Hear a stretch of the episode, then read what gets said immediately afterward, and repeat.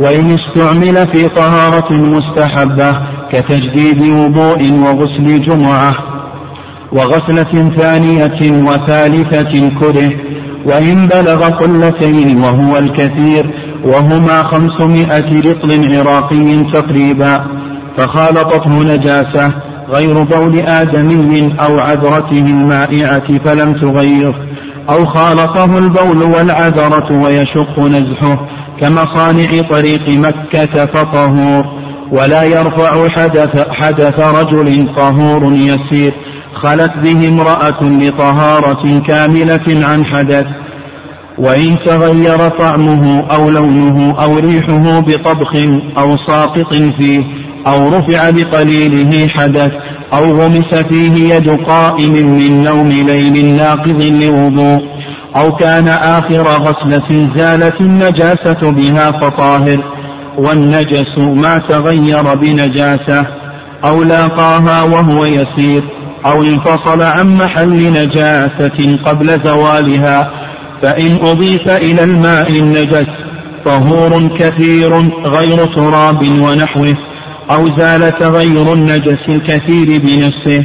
أو نزح منه فبقي بعده كثير غير متغير طهر تقدم لنا في الدرس السابق أن تكلمنا عن تعريف الطهارة وذكرنا أن مصطلح الطهارة عند الفقهاء يشتمل على ثلاثة أشياء الشيء الأول رفع الحدث والثاني ما في معنى رفع الحدث والثالث إزالة الخبث أو زوال الخبث. وتكلمنا عن تقسيم الماء وأن المؤلف رحمه الله تعالى يرى أن الماء ينقسم إلى ثلاثة أقسام طهور وطاهر ونجس. وهذا القول يذهب إليه كثير من العلماء رحمهم الله. وذكرنا أن الرأي الثاني ما ذهب إليه شيخ الإسلام تيمية رحمه الله أن الماء ينقسم إلى قسمين طهور ونجس وأن هذا الرأي هو الأقرب من حيث الدليل. وذكرنا ضابط الماء الطهور وضابط الماء النجس وقلنا بأن ضابط الماء الطهور أنه الماء الباقي على خلقته الذي لم يتغير بنجاسة ولا بطاهر يسلبه اسم الماء المطلق. وأما القسم الثاني فهو الماء النجس وأن الماء النجس هو ما تغير طعمه أو لونه أو رائحته بنجاسة. ثم بعد ذلك ذكر المؤلف رحمه الله تعالى عدة مسائل ولكي نضبط هذه المسائل التي ذكرها المؤلف رحمه الله تعالى. ذكرناها على شكل أقسام طرأت على الماء الطهور الذي هو الأصل. وذكرنا عدة أقسام. ذكرنا خمسة أقسام. كم من قسم ذكر سبعة. طيب ذكرنا سبعة أقسام. ثم بعد ذلك قال المؤلف رحمه الله تعالى في القسم الثامن أو الطارئ الثامن قال وإن استعمل في طهارة مستحبة كتجديد وضوء وغسل جمعة وغسلة ثانية وثالثة كره. هذا الطارئ الثامن أو القسم الثامن أن يستعمل في طهارة مستحبة. وما معنى المستعمل؟ معنى المستعمل هو الماء الذي مر على الوضوء على العضو. الماء الذي مر على العضو وانفصل عنه. الماء الذي مر على العضو وانفصل عنه هذا يسمى بالمستعمل. وتقدم لنا أنه إذا استعمل في طهارة واجبة كرفع الحدث أنه يكون طاهرا. يرون أنه طاهر أنه طاهر. وإن استعمل في طهارة مستحبة فيقولون بأنه طهور لكنه مكروه. والكراهة يقولون بأنه مكروه لأنه لأن من العلماء رحمهم الله من قال بأنه طاهر حتى وإن استعمل في طهارة مستحبة من العلماء من يرى أنه طاهر. ومثل المؤلف رحمه الله بالمستعمل في طهارة مستحبة قال كتجديد وضوء تجديد الوضوء يعني إذا توضأ ثم توضأ مرة أخرى الوضوء للمرة الثانية هذا مستحب هذا مستحب. لكن قال العلماء رحمهم الله يكون الوضوء تجديدا إذا صلى بينهما صلاة يعني يكون مشروعا إذا صلى بينهما صلاة. يعني توضأ ثم صلى بالوضوء الأول فإنه يشرع له حينئذ أن يجدد الوضوء مرة أخرى. إذا جدد الوضوء غسل وجهه هذا الماء المنفصل عن الوجه يكون طهورا مكروها. الماء المنفصل عن اليدين بعد أن مر على العضو وانفصل عنه يكون طهورا مكروها. وهكذا. ومثله أيضا قال لك المؤلف وغسل جمعة. غسل الجمعة على المشهور من المذهب وسيأتينا إن شاء الله كلام أهل العلم. غسل الجمعة وهو قول جماهير أهل العلم أنه مستحب وليس واجبا. وعلى هذا المتساقط أثناء غسل الجمعة أو لو كان هناك إناء. كان الماء دون القلتين ثم بعد ذلك انغمس فيه وهو ينوي غسل الجمعة فإن هذا الماء يكون طهورا مكروها لأنه استعمل في طهارة مستحبة. ومثل أيضا قال لك المؤلف وغسلة ثانية وثالثة. الغسلة الأولى برفع الحدث هذه الماء المنفصل عنها ماذا نسميه؟ ها؟ نسميه طاهرا. لكن الغسلة الثانية عندما تغسل يدك الأولى الماء المتساقط إذا كان عن رفع الحدث في الغسلة الأولى هذا يسميه العلماء رحمهم الله بالماء الطاهر. لكن بالنسبة للغسلة الثانية والثالثة هذه غسلة مستحبة آه، يكون طهورا مكروها والصواب في هذه المسألة أنه كما تقدم لنا أن الكراهة حكم شرعي يفتقر إلى الدليل الشرعي. والقول بأنه مكروه خروجا من الخلاف الخلاف كما قال شيخ الإسلام تيمية رحمه الله يقول بأن التعليل بالخلاف علة حادثة. لأن الخلاف حادث بعد النبي صلى الله عليه وسلم. ما يصح أن نعلل بالخلاف يعني بخلاف العلماء رحمهم الله لأن التعليل بالخلاف علة حادثة بعد النبي صلى الله عليه وسلم. نعم صحيح إذا تكافأت الأدلة نقول نأخذ بالاحتياط لكن آه، هنا لا تكافؤ في الأدلة آه، لأن الأصل في الماء الطهورية كما سلف لنا قال وإن بلغ قلتين وهو الكثير وهما خمسمائة رطل عراقي تقريبا. أيضا هذا مصطلح يستعمله الفقهاء رحمهم الله تعالى. انتبه له. الفقهاء رحمهم الله تعالى يقولون ماء كثير وماء قليل. يعبرون. يعبرون بالماء القليل وبالماء الكثير. الماء إذا كان قليلا وغمست فيه يد قائم من نوم الليل الناقض للوضوء الماء القليل الذي خلت به امرأة لطهارة كاملة عن حدث إلى آخره يعبرون يقولون بالماء أو يقسمون الماء إلى ماء قليل وإلى ماء كثير. هذا المصطلح ما هو الماء القليل وما هو الماء الكثير؟ نقول بأن الماء الكثير هو ما بلغ قلتين ما بلغ قلتين هذا عند الفقهاء رحمهم الله ماء كثير. فإذا قالوا ماء كثير إذا قالوا ماء كثيرا يقصد يقصدون بذلك ما بلغ قلتين فأكثر. وإذا قالوا أو عبروا بالماء القليل فإنهم يقصدون بذلك ما دون القلتين. طيب بالنسبة للقلتين المؤلف رحمه الله تعالى قدر القلتين بالأرطال العراقية. الآن الرطل العراقي ليس معروفا. يعني الرطل العراقي هذا ليس معروفا. لكن نحول هذه الأرطال إلى غرمات والتحويل هذا سهل. 500 رطل عراقي. الرطل العراقي يساوي 90 مثقال. الرطل العراقي يساوي 90 مثقالا. المثقال الواحد. اختلف فيه العلماء رحمهم الله. يعني في وزن المثقال الواحد. ما وزنه؟ فقال بعض العلماء بأنه أربعة ربع وقال بعض العلماء بأنه ثلاثة ونصف. هذان القولان هما أشهر الأقوال ولا هناك أقوال أخرى لكن أشهر الأقوال.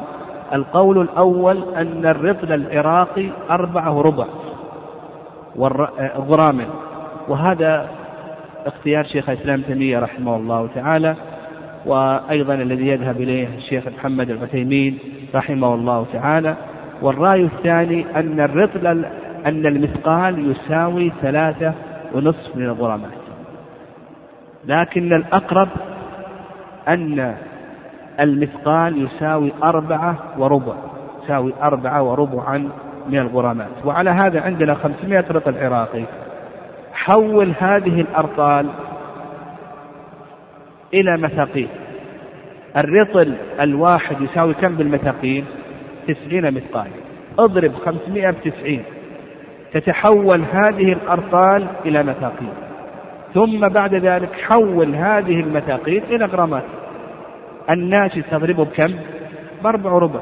اضرب الناتج في أربع ربع تتبين لك القلتان. كم تساوي القلتان بالغرامات؟ أربع ربع. إذا أردت أن تحوله إلى كيلوات ماذا تعمل؟ ها؟ تقسم. الناتج على كم؟ على ألف. فنقول طريقة التحويل عندنا 500 رطل عراقي. 500 رطل عراقي. الرطل الواحد يساوي 90 مثقالا. المثقال الواحد يساوي أربعة وربع وربعا من الغرامات اضرب 500 في 90 الناتج اضربه بأربعة وربع. فتخرج لك القلتان بالغرامات اقسمه على ألف. فتبين لنا أن الماء الكثير هو ما بلغ خمسمائة خمسمائة رطل عراقي وأن الماء القليل هو ما دون القلتين ما دون هذه الخمسمائة.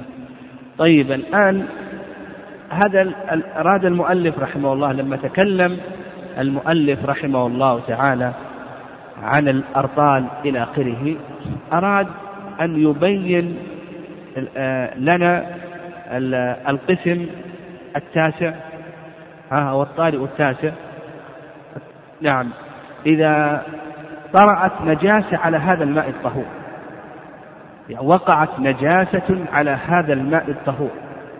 متى تنجسه ومتى لا تنجسه؟ المشهور من المذهب أنه إذا وقعت نجاسة في هذا الماء الطهور فإن هذا الماء لا يخلو من ثلاث حالات. الحالة الأولى الحالة الأولى أن يكون الماء قليلا. وبينا أن القليل هو ما دون ما دون قلته يقولون إذا كان الماء قليلا فإنه ينجس بمجرد الملاقاة عندك الآن إناء عندك الآن إناء فيه ماء. وقعت فيه نقطة بول.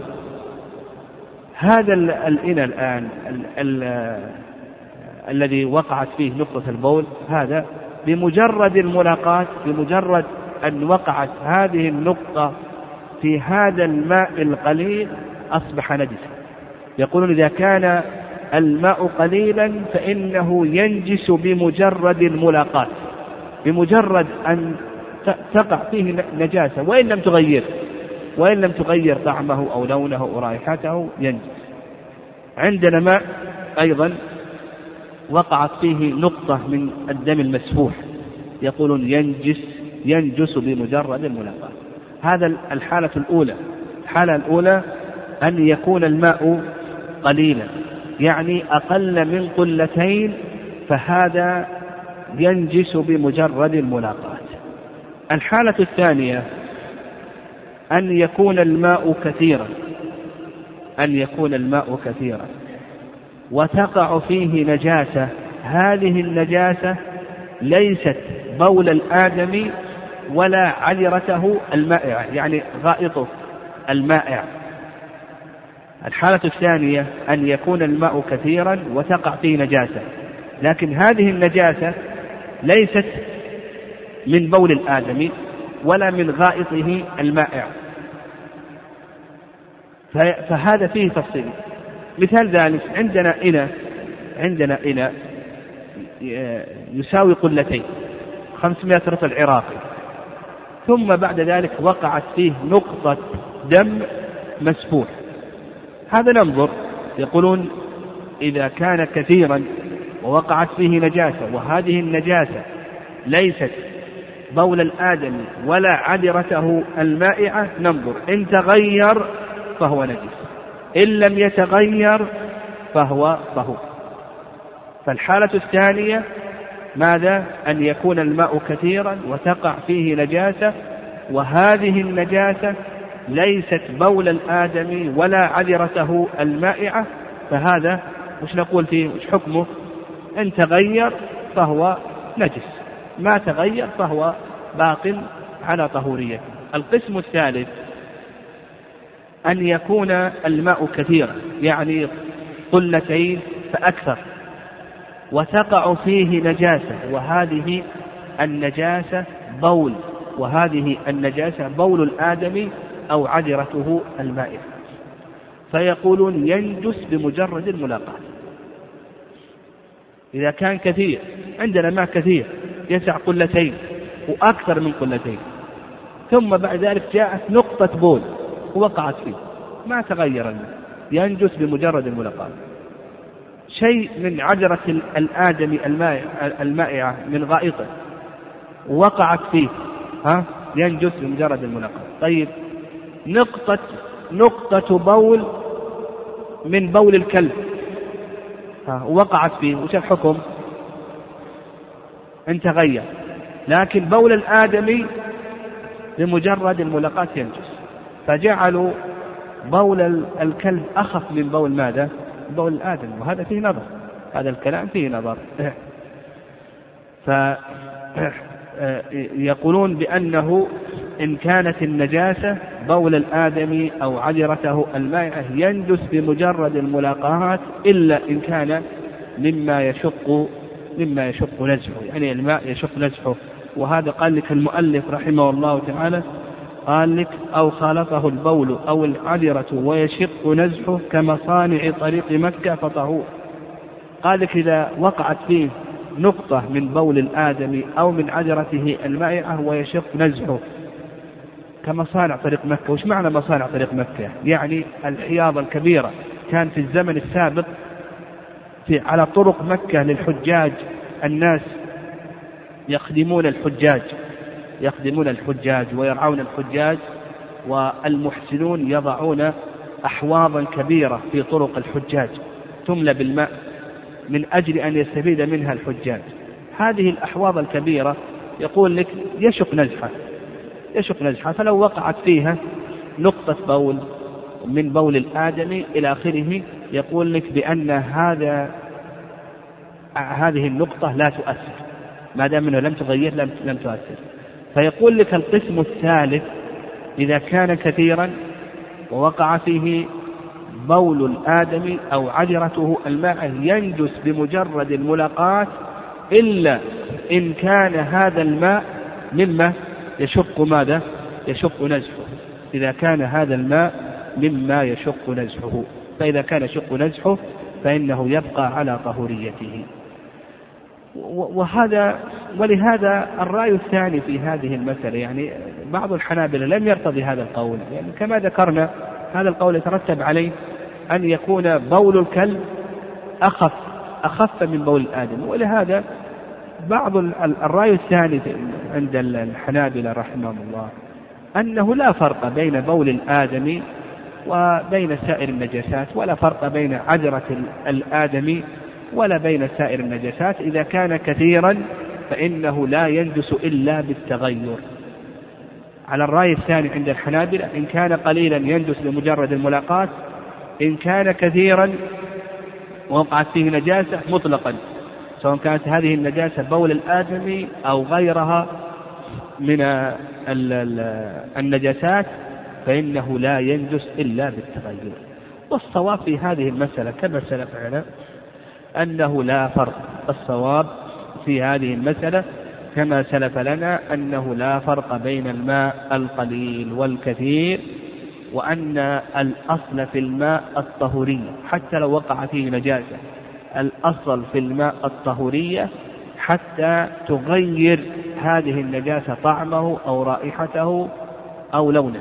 إذا شككت يعني عندك ماء وقع فيه بول أو وقع فيه دم مسفوح أو وقع فيه مدي أو نحو ذلك وشككت. هل تغير هذا الماء أو لم يتغير؟ هل غيرته النجاسة أو لم تغيره النجاسة؟ نقول الأصل في ذلك ماذا؟ الطهورية قال المؤلف رحمه الله تعالى ولا يرفع حدث رجل طهور يسير خلت به امرأة لطهارة كاملة عن حدث. هذا القسم العاشر. القسم العاشر طهور خلت به امرأة. خلت به امرأة لطهارة كاملة عن حدث. يعني عندنا طهور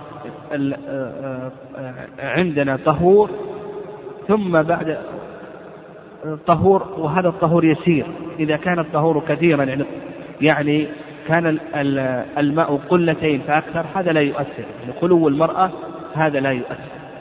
لكن الذي يؤثر إذا كان يسيرا. وخلت به امرأة. نعم خلت به امرأة لطهارة كاملة. فإنه يعتبر طاهرا. يعني لا يرفع حدث الرجل. لا يرفع حدث الرجل. يعني يرفع حدث المرأة لكن لا يرفع حدث الرجل.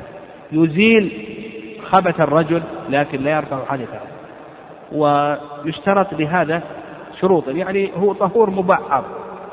يصبح إذا خلت به هذه المرأة خلت بهذا الماء اليسير أصبح طهورا مبعضا. يعني تثبت له بعض الأحكام وتنتفي عنه بعض الأحكام. تثبت له بعض أحكام الماء الطهور وتنتفي عنه بعض أحكام الماء الطهور.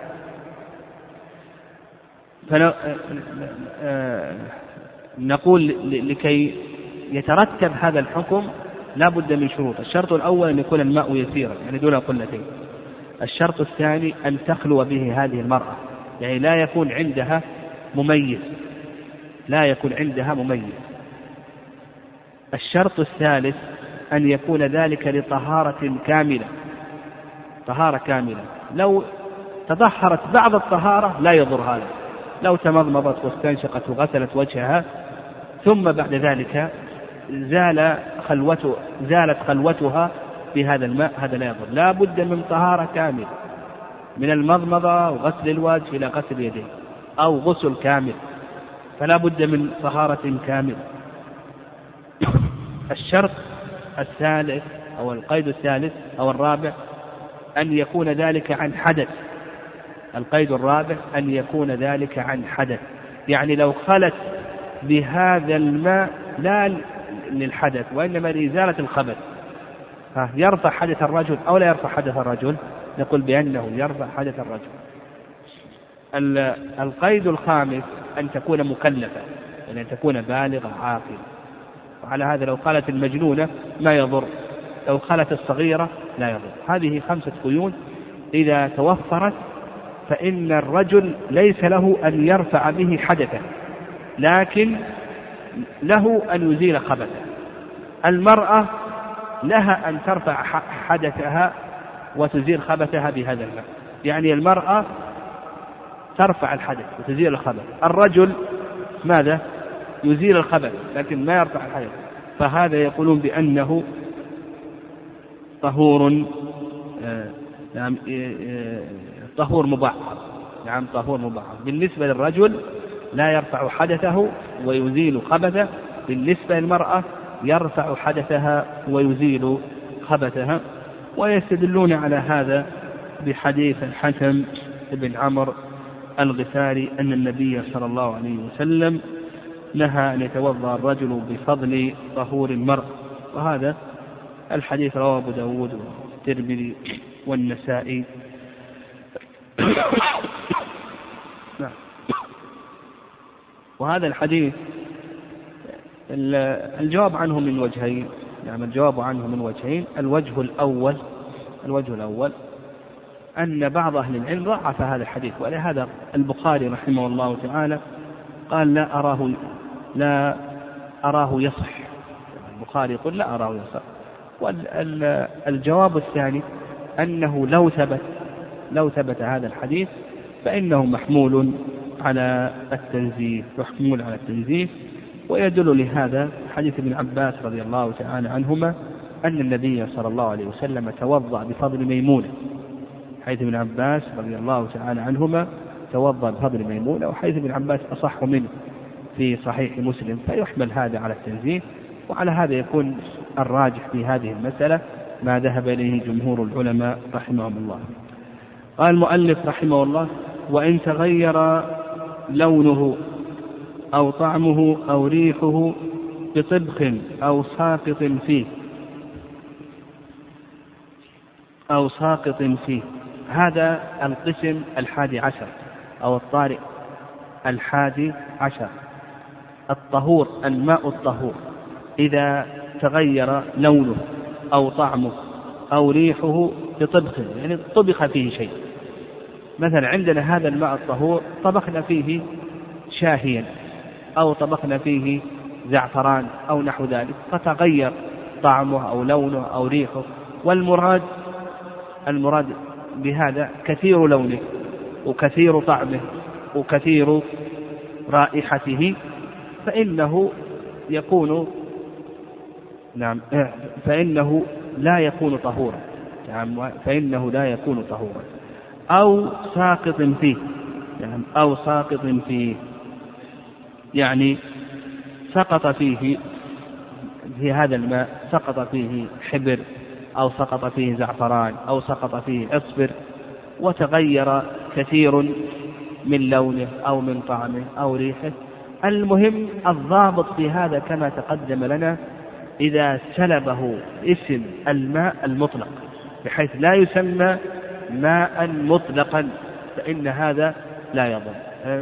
فإن هذا لا يكون طهورا يرفع الحدث إذا سلبه اسم الماء المطلق. أما إذا لم يسلبه اسم الماء المطلق وكان التغير يسيرا فإن هذا لا يضر. المهم التغير إذا كان لكثير طعمه أو لونه أو رائحته فإنه يضر. أما إذا كان بحيث أنه يسلبه اسم الماء المطلق. أما إذا كان يسمى اسم الماء المطلق لا يزال باقيا عليه. لكون هذا التغير لم يؤثر فنقول بأنه آه، لا يزال طهورا وأيضا يستثنى من ذلك ما إذا تغير بالتراب فإنه لا يضر لأن التراب هو أحد الطهورين. التراب هو أحد الطهورين وهو بدل عن الماء. وعلى هذا لو كان عندنا ماء ووضعنا فيه تراب هذا لا يضر. أو أن لو كان عندنا مستنقع ثم دخله رجل وخاض فيه وأصبح لونه أصفر هذا لا يضر. لا يزال هذا الماء طاهرا طهورا. هذا الماء لا يزال طهورا لأن التراب هو أحد الطهورين ولهذا ذكرنا لكم فيما تقدم آه، إذا تغير الماء بالمواسير. يعني إذا تغير الماء بالمواسير وفتحت الصنبور وجدته ماء أصفر هذا لا يضر. يعني هذا لا يضر لأن هذا الصدى من الماء. يعني هذا الصدى من الماء هذا لا يضر. فإذا تغير بما هو بما هو أصله الماء أو تغير ببدل الماء فإن هذا لا يضر. قال أو رفع بقليله حدث. هذا القسم الثاني عشر إذا رفع بقليله حدث. يعني القليل ما المراد بالقليل هنا؟ ما دون القلتين كما سلف لنا رفع به حدث. عندنا إناء دون القلتين ورجل عليه جنابة ثم جاء وانغمس فيه وهو ينوي رفع الجنابة نقول بأن هذا الماء كلام المؤلف رحمه الله يكون يكون طاهرا لا يرفع الحدث. وكذلك أيضا قلنا لو كانت الغسلة الأولى عن الحدث استعمل المستعمل هو الماء المنفصل عن العضو الذي مر على العضو وانفصل عنه إذا كان عن حدث كالغسلة الأولى عن الحدث فإنه يكون طاهرا على المشهور من المذهب والصواب في ذلك الصواب في ذلك أنه طهور لما تقدم أن ذكرنا أن الأصل في الماء الطهورية الأصل في الماء الطهورية. وهم يستدلون على هذا كما سيأتينا أن النبي صلى الله عليه وسلم نهى أن يغمس الرجل يده في الإناء قبل أن يغسلها ثلاثا إذا كان قائما من نوم الليل أن ناقض الوضوء. لكن نقول بأن النبي صلى الله عليه وسلم نهى عن الغمس ولم يتكلم عن حكم الماء. يعني لم ينهى النبي صلى الله عليه وسلم عن الماء وإنما نهى عن الغمس. قال أو غمس فيه يد قائم من نوم ليل ناقض لوضوء. هذا القسم الثالث عشر. طهور قليل. جاء رجل جاء رجل بعد أن استيقظ من نوم الليل الناقض الوضوء وغمس يده فيه إن كان كثيرا فإنه لا يضر. لكن إذا كان قليلا إذا كان قليلا وجاء وغمس يده فيه فإن فإنه يكون طاهرا بعد أن كان طهورا. ودليلهم على ذلك حيث أبي هريرة رضي الله تعالى عنه أن النبي صلى الله عليه وسلم قال إذا استيقظ أحدكم من نومه فلا يغمس يده في الإناء حتى يغسلها ثلاثا فإنه لا يدري أين باتت يده. لا بد أن يغمس جميع يده. لو غمس رجله لا يضر لكن إذا غمس يده فإن هذا يضر. وقال من نوم ليل ناقض لوضوء لو كان من نوم النهار فإنه لا يضر. والصحيح في ذلك أن هذا لا يضر. حتى لو كان قائما من نوم الليل الناقض للوضوء وغمس يده فإن هذا لا يضر لأنه كما سلف لنا أن الأصل هو بقاء الطهورية.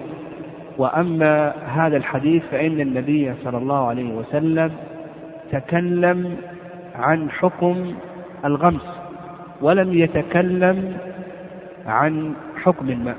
الماء لم يتكلم عنه النبي صلى الله عليه وسلم والأصل بقاء الطهورية قال أو كان آخر غسلة زالت النجاسة بها فطاهر. هذا القسم الرابع عشر. يعني إذا استعمل هذا الماء الطهور في تنظيف النجاسة في إزالة الخبث في تنظيف النجاسة في إزالة الخبث فقال لك المؤلف رحمه الله إذا كان آخر غسلة زالت بها النجاسة آخر غسلة. المشهور من المذهب كما سيأتينا إن شاء الله أن المتنجس لا بد أن تغسله سبع مرات. متنجس إلا بول الصبي الذي لم يأكل الطعام أو النجاسة على الأرض هذه يستثنونها. لكن ما عدا ذلك من النجاسات لا بد أن تغسلها سبع مرات. فإذا غسلت المرة الأولى الثانية الثالثة الرابعة الخامسة السادسة السابعة هذه آخر غسلة. آخر غسلة زالت بها النجاسة هذا الماء المنفصل في آخر غسلة. يعني هذا الماء المنفصل في آخر غسلة. إن كان متغيرا بالنجاسة فنجس. وإن كان غير متغير بالنجاسة فيقولون بأنه طاهر والصواب في هذه يعني الصواب في هذه المسألة أنه أنه طهور لما تقدم أن ذكرنا أن الأصل في الماء الطهورية يعني أن الأصل في الماء الطهورية. والصواب في ذلك أن الماء عموما أن الماء المنفصل أن الماء المنفصل أثناء غسل النجاسة ينظر فيه. إن كان متغيرا بالنجاسة فهو نجس. وإن كان غير متغير بالنجاسة فهو طهور. قال المؤلف رحمه الله والنجس ما تغير بنجاسة أو لاقاها أو انفصل عن محل نجاسة قبل زواله قال لك المؤلف رحمه الله لما تكلم المؤلف رحمه الله تعالى عن الماء الطهور شرع الآن في الماء النجس. وذكرنا الخلاصة في ذلك أن الأصل في الماء الطهور وذكرنا ضابط الماء الطهور وذكرنا الأقسام التي تطرأ على الماء الطهور وبينا حكمها وغالب هذه الأقسام أنها ماذا؟ أنها لا تؤثر. الغالب أنها لا تؤثر. متى يؤثر؟ في حالتين فقط. كل الأقسام التي ذكر المؤلف أربعة عشر قسما لا يؤثر إلا في حالتين. الحالة الأولى أن يتغير بنجاسة فيكون نجسا. الحالة الثانية أن يتغير بطاهر يسلبه عن اسم الماء المطلق فهذا لا يسمى ماء. وإلا كل الأقسام التي ذكرها المؤلف رحمه الله فإنها لا تؤثر. الآن شرع المؤلف رحمه الله في بيان الماء النجس. وقال لك بأن الماء النجس يشتمل على أمرين. الأمر الأول لا يشتمل على ثلاث أمور. الأمر الأول ما تغير بنجاسة. هذا نجس. الأمر الثاني لاقاها وهو يسير. هذا نجس. الأمر الثالث انفصل عن محل نجاسة قبل زواله فالنجس على المذهب يشتمل على ثلاثة أمور. هذا ضابط الماء النجس. ضابط الماء النجس على المذهب ينقسم ثلاثة أقسام. القسم الأول ما تغير بنجاسة وهذا بالإجماع. فإذا كان إذا كان عندنا ماء نجس وهذا النجس تغير بنجاسة فهذا بالإجماع أنه نجس. القسم الثاني القسم الثاني إذا كان يسيرا ووقعت فيه نجاسة. ها يقول لك ماذا؟ نجس على المذهب. واليسير ما كان دون القلتين إذا كان دون القلتين ووقعت فيه نجاسة فهذا نجس. وذكرنا كما تقدم أن الصواب أنه طهور كما هو اختيار شيخ الإسلام رحمه الله. القسم الثالث قال لك أو انفصل عن محل نجاسة قبل زوالها. كما تقدم كما تقدم أن المتنجس عن مذهب لا بد أن يغسل كم مرة؟ سبع مرات. لا بد أن نغسله سبع مرات. غسلناه في المرة الأولى والنجاسة لا تزال باقية. انفصل هذا الماء يقولون بأنه نجس. حصلت الملاقاة غسلناه المرة الثانية والنجاسة لا تزال باقية يقولون بأنه نجس. الثالثة نجس. لكن الرابعة زالت يقولون ماذا؟ طاهر. لا ما يكون إذا كانت النجاسة لا تزال باقية فهو نجس. وإن كانت النجاسة زالت فهو طاهر كما تقدم. نعم فهو طاهر. إن كانت يعني ما دام عندنا في السبع غسلات كانت النجاسة لا تزال باقية فهو نجس. وإن زالت النجاسة فإنه يكون طاهرا. والصواب كما تقدم لنا يعني الصواب كما سلف لنا أن الماء النجس هو ما تغير بالنجاسة وما عدا ذلك فإنه طهور. فالماء المنفصل أثناء تطهير النجاسة نقول ننظر إن كان تغير بالنجاسة فهو نجس وإن لم يتغير بالنجاسة فهو طهور. المهم نفهم أن المذهب أن الماء النجس ينقسم إلى هذه الأقسام الثلاثة. قال المؤلف رحمه الله تعالى فإن أضيف إلى الماء النجس طهور كثير غير تراب ونحوه أو زال تغير النجس الكثير تغير النجس الكثير بنفسه أو نزح منه فبقي بعده كثير غير متغير طهر هنا الآن المؤلف رحمه الله في آخر باب المياه أراد أن يبين لك كيف تطهر هذا الماء النجس. لما ذكر المؤلف رحمه الله أن الماء النجس يشتمل على ثلاثة أمور أراد أن يبين لك كيف تطهر هذا الماء النجس. والخلاصة في ذلك نعم الخلاصة في ذلك نقول بأن تطهير الماء النجس على المذهب ينقسم إلى ثلاثة أقسام. نقول تطهير الماء النجس على المذهب نقول بأنه ينقسم إلى ثلاثة أقسام. القسم الأول أن يكون الماء يسيرا دون القلتين. يكون تقدم أن الماء اليسير دون القلتين. هذا يندس بمجرد الملاقاة. هذا تطهيره بالإضافة. تطهيره طريق طريق تطهيره طريق واحد وهو الإضافة. الإضافة. أن تضيف إليه طهور ولا بد أيضا أن تكون الإضافة متصلة. نعم لا بد أن تكون الإضافة متصلة.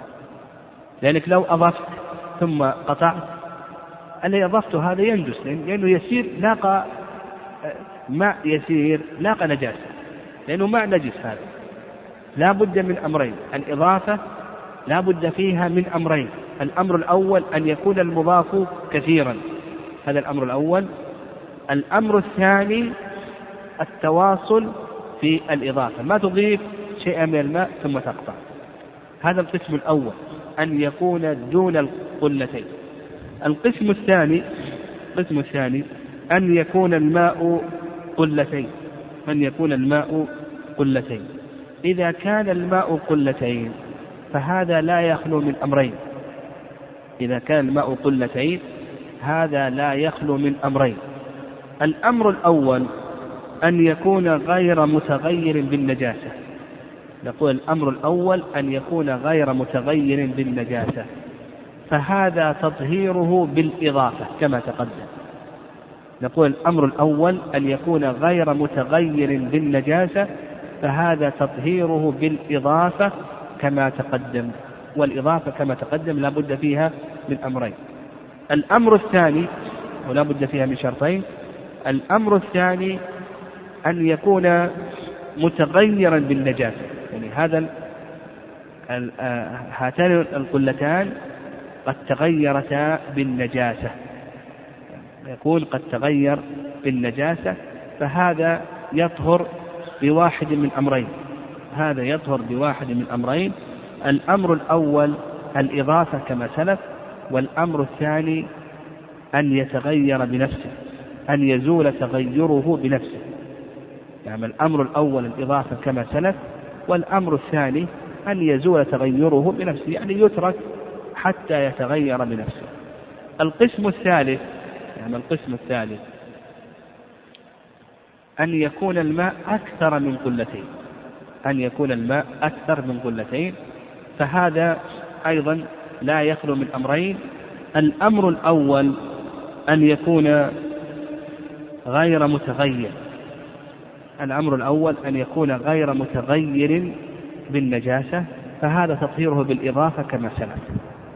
الأمر الأول أن يكون غير متغير بالنجاسة فهذا تطهيره بالإضافة.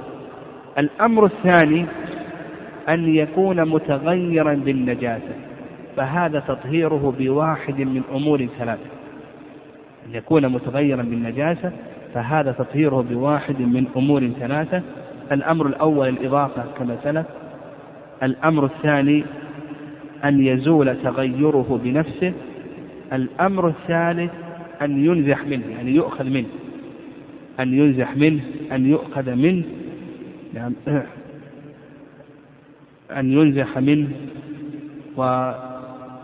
ويؤخذ منه ويزول التغير. بسبب النزع زال التغير وبقي كثير يعني بقي قلتان فصاعد. فنقول إذا كان أكثر من قلتين هذا لا يخلو من أمرين أن يكون غير متغير فهذا تطهيره بالإضافة كما سلف. أن يكون متغيرا فهذا تطهيره بواحد من أمور ثلاثة الإضافة والنزح أو النزع وأن يزول تغيره بنفسه. والخلاصة في ذلك أن الحكم يدور مع علته وجودا وعدما وأن النجاسة عين مستقدرة شرعا. إذا زالت بأي مزيل طهر النحو. يقول الحكم يدور مع علته وجودا وعدما وأن النجاسة عين مستقدرة شرعا. إذا زالت بأي مزيل فإن المحل فإن المحل يطهر. وعلى هذا هذا الماء النجس إذا طهر بأي بأي طريق؟ بالطبخ بالإضافة بالنزع آه، بالتكرير كما يوجد اليوم في مياه الصرف الصحي يعمل لها معالجة وتكرير حتى تعود إلى حالتها الطبيعية فنقول بأن الماء يطهر.